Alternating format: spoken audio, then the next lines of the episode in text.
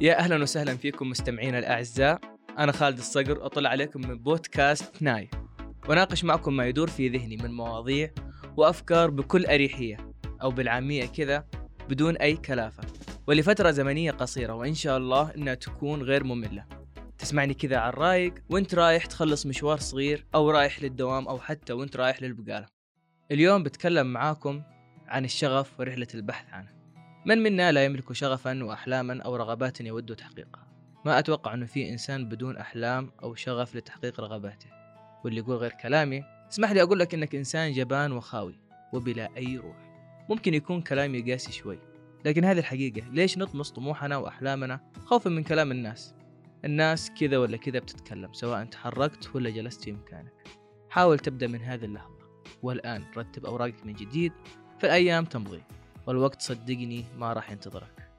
الكثير من الناس لو تسألهم على إيش ندمانين راح يجاوبونك على الوقت اللي مضى من حياتنا وما استغلينا كل ثانية فيه. على الوقت اللي كنا جالسين فيه ننتظر معجزة تحقق أحلامنا دون العمل بالأسباب اللي توصلنا للنجاح. ولو كان الأمر بيدهم رجعوا بالوقت للوراء وعملوا على أنفسهم وحققوا أحلامهم. شوف أنا أقدر لك خوفك من الفشل وخوفك من الناس والكلام اللي راح تسمعه منهم من إحباط وطقطقة وكلام فاضي إذا فشلت. لكن صدقني لا طعم للنجاح دون الفشل. فلولا الفشل في حياتنا ما كنا تعلمنا من أخطائنا وعدلناها ووصلنا إلى نجاحات أكبر من اللي كنا نسعى لها. والناس اللي تخاف من كلامهم من نظرتهم غالبا تجدهم حاولوا تحقيق رغباتهم بشكل أو آخر ولكن هم يخافون من نظرة من هم على شاكلتهم ويفرغون طاقتهم وحقدهم على من يرونه يشق طريقه إلى النجاح. ولك بالرسول صلى الله عليه وسلم مثال حين بدأ بنشر رسالته ودين الإسلام. قالوا هذا شاعر ومجنون. حاشاه رسولنا عليه أفضل الصلاة وأتم التسليم. فمن نكون نحن لكي يتقبلون جميع الناس؟ لازم تعرف أنه مو الكل راح يتفق معك إلا ما تلاقي فئة ضدك. عشان كذا أقول لك أبدأ وما عليك من أحد. واعتزل فورا جميع الناس السلبية واستجمع طاقتك وقوتك وصدقني راح توصل. الأحلام والركض وراء تحقيقها هو ملح الحياة. فلولا الله ثم أحلامنا وطموحاتنا وشغفنا ما كانت للحياة طعم أو لون. حياة باهتة رمادية. آه، في تغريدة جميلة شفتها في تويتر تقول الطموح هو أجمل ما في النفس البشرية بل هو النفس البشرية بكامل معانيها فما نحن لولا طموحاتنا. مهما كان طموحك كبير أنت قادر على تحقيقه. إذا أنت فعلا لديك الرغبة من الداخل وتشتعل شغفا للحظة نجاحك وتذكر لا يكلف الله نفسا إلا وسعها. يعني الله ما حطك في هذا المكان عبث. الله يعرف أنك قادر أنك تنجز وتنجح. عشان كذا زرع فيك هالطموح والشغف. أنا مثلك. في يوم من الأيام كان أقصى طموحاتي إني أكون مذيع راديو. سمعت كثير كلام محبط وإنه بيتركون كل الناس وليش يختاروني أنا من هالكلام. المهم إني ما حطيت لكلام أي شخص أي اعتبار. وزي ما يقول المثل إذن من طين وإذن من عجين. في النهاية هذه حياتك أنت وما حد يقرر عنك كيف تعيشها. عيشها بالطريقة اللي تشوفها مناسبة.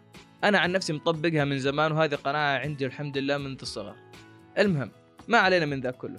رحت قدمت على إذاعات الراديو وشاركت في مسابقات كثير على أمل تحقيق هذا الحلم. لكن باءت بالفشل. أيقنت وقتها بأنه كان في خطأ واكتشفت أني أقدمت على شيء ما كنت على دراية كاملة بتفاصيله. المفروض أني بحثت وتعلمت أكثر عن هذه المهنة. وكان يجب علي أني أطلع السلم خطوة خطوة. أدركت حينها بأني تسرعت وكان يجب علي أن أعود للخلف خطوة لكي أعيد ترتيب حساباتي وأبدأ من جديد. ما أقول لكم أني نجحت 100% لكن الأكيد أني تحركت واليوم أنتم تسمعوني في قناة خاصة بي. طيب السؤال هنا. كيف تعيش مع شغفك وتعثر عليه؟ العيش بشغف يعني امتلاك الشجاعة الكافية للتعبير عن أفكارك وآرائك وقناعاتك بدون خوف. وإنه وسيلتك للتعبير عن حبك للحياة ويأتي حبك هذا من واقع أنك تعيش حياة أنت اخترتها وليس حياة اجبروك على عيشها. اتفقنا إذن على أهمية الشغف وروعته وأثره العظيم في حياتنا. لكن الكثير منا مع ذلك يعجز على العثور على شغفه الحقيقي ويجهل حتى كيفية البدء بالبحث عنه. والوصول إليه. لكن ما في داعي لليأس والشعور بالإحباط. العثور على شغفك الحقيقي أبسط بكثير مما تتخيل وهذه خطوات بسيطة تساعدك على اكتشاف شغفك. واحد جرد مواهبك. وما الذي تجيد فعله؟ لا نتحدث هنا عن الأشياء التي تجيد فعلها لكنك لا تحبها. لكن حنا هنا نتكلم عن تلك الأشياء البسيطة اللي تخليك تشعر بالبهجة والسعادة وانت تسويها. فكر فيما تحب القيام به لكنك لا تعتقد أنك تجيده. فكر في الأمور اللي مدحوك عليها أصحابك لكنك ما أخذت الموضوع بجدية. ممكن تكون محب حقيقي لأفلام الأنمي أو القراءة أو الاطلاع أو التفتيش في التاريخ. تحب التصوير أو التعليق الصوتي؟ جرب أي شيء تعتقد أنك تهتم به. بعدين حول هالشيء على أرض الواقع مثل حساب متخصص على مواقع التواصل الاجتماعي أو قناة على اليوتيوب أو حتى ابدأ فقط بالاستمتاع به وحدك لتكتشف مدى حبك واهتمامك به. اثنان انتبه لما تشعر بالغيرة تجاهه. وقت ما تشوف نفسك تشعر بالغيرة تجاه عمل يقوم به شخص ما. أو أنه يزعجك جرب البحث بعمق داخلك واسأل نفسك بصدق ليش أنا أغار منه؟ فيمكن أن يكون شعورك هذا نابع من كونك لا تقدر على القيام بنفس الشيء فتصب غضبك على الشخص. هذه الخطوة تحتاج شخص صادق مع نفسه كما تحتاج تدريب وتجربة أكثر من مرة. تحكي الدكتورة والكاتبة سوزان بيالي أنها عندما بدأت مغامرتها في سن الثالثة والثلاثين وذهبت إلى المكسيك لتعلم رقص الفلامينغو وشرعت في الكتابة. غضب منها والدها بشدة واتهمها بأنها تضيع حياتها وكل المجهود التي قامت به في كلية الطب.